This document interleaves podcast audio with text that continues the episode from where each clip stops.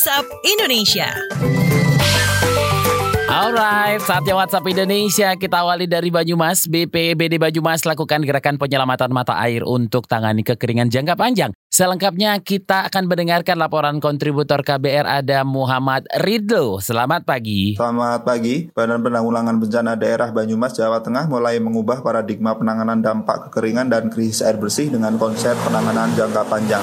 Kepala Pelaksana Harian BPBD Banyumas, Aryono Purwanto mengatakan salah satu yang dilakukan adalah dengan penyelamatan mata air yang memang sudah tersedia di alam. Tahun ini BPBD dan relawan kebencanaan telah melakukan dua kali penanaman pohon dalam skala besar untuk penyelamatan mata air yang terancam, yakni di Desa Banjarpanepen Kecamatan Sumpiuh dan Desa Sambirata Kecamatan Cilongok. Penyelamatan mata air di kedua desa ini penting mengingat vitalnya mata air tersebut. Di dua desa ini terdapat sejumlah mata air yang dimanfaatkan oleh warga di beberapa desa sekitarnya. Mata air harus dirawat dengan penanaman pohon agar menjaga area resapan. Penanganan tanggap darurat kekeringan berupa pengiriman air bersih jika tak diimbangi dengan upaya menyelamatkan mata air dan penghijauan dianggap akan sia-sia. Bisa dipastikan wilayah yang mengalami krisis akan semakin bertambah dari tahun ke tahun.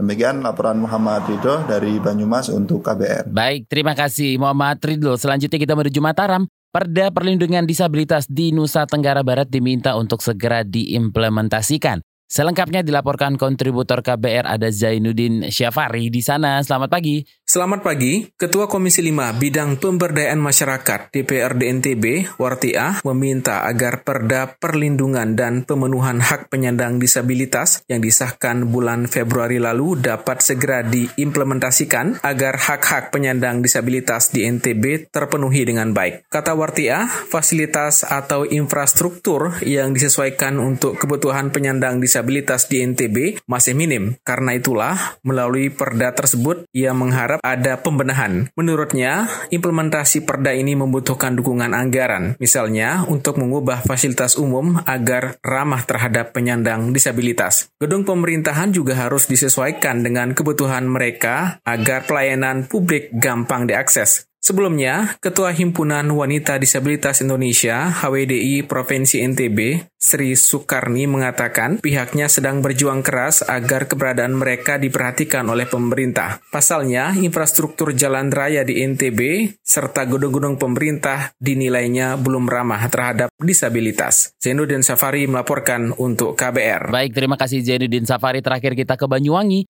Komunitas Kopi Banyuwangi Jawa Timur menginisiasi ngopi bayar pakai sampah. Lebih lanjut kita dengar laporan kontributor KBR ada Hermawan. Selamat pagi. Selamat pagi. Untuk meningkatkan kesadaran masyarakat peduli terhadap kebersihan di lingkungannya, Komunitas Kopi Banyuwangi Jawa Timur memperlakukan beli segelas kopi dengan menggunakan sampah. Koordinator Komunitas Kopi Banyuwangi, Novian Dharma Putra mengatakan, masyarakat yang ingin menikmati segelas kopi tidak perlu membayarnya dengan uang. Di warungnya segelas kopi cukup dibayar dengan sampah non-organik atau menunjukkan foto kegiatan bersih-bersih sampah di lingkungannya masing-masing. Kata dia, ngopi bayar pakai sampah tersebut saat ini bisa dijumpai di event-event yang ada di Banyuwangi. Bahkan rencananya dia akan membuka warung kopi berjalan di beberapa tempat dengan membayarnya pakai sampah. Novian Dharma Putra mengaku dirinya tidak rugi dengan kegiatan ini sebab nantinya sampah-sampah yang terkumpul akan disodorkan ke bank sampah untuk didaur ulang. Dengan kegiatan daur ulang tersebut, pihaknya akan mendapatkan subsidi dari bank sampah Banyuwangi. Demikian dari Banyuwangi Banyuwangi, Hermawan melaporkan untuk KBR. Terima kasih Hermawan.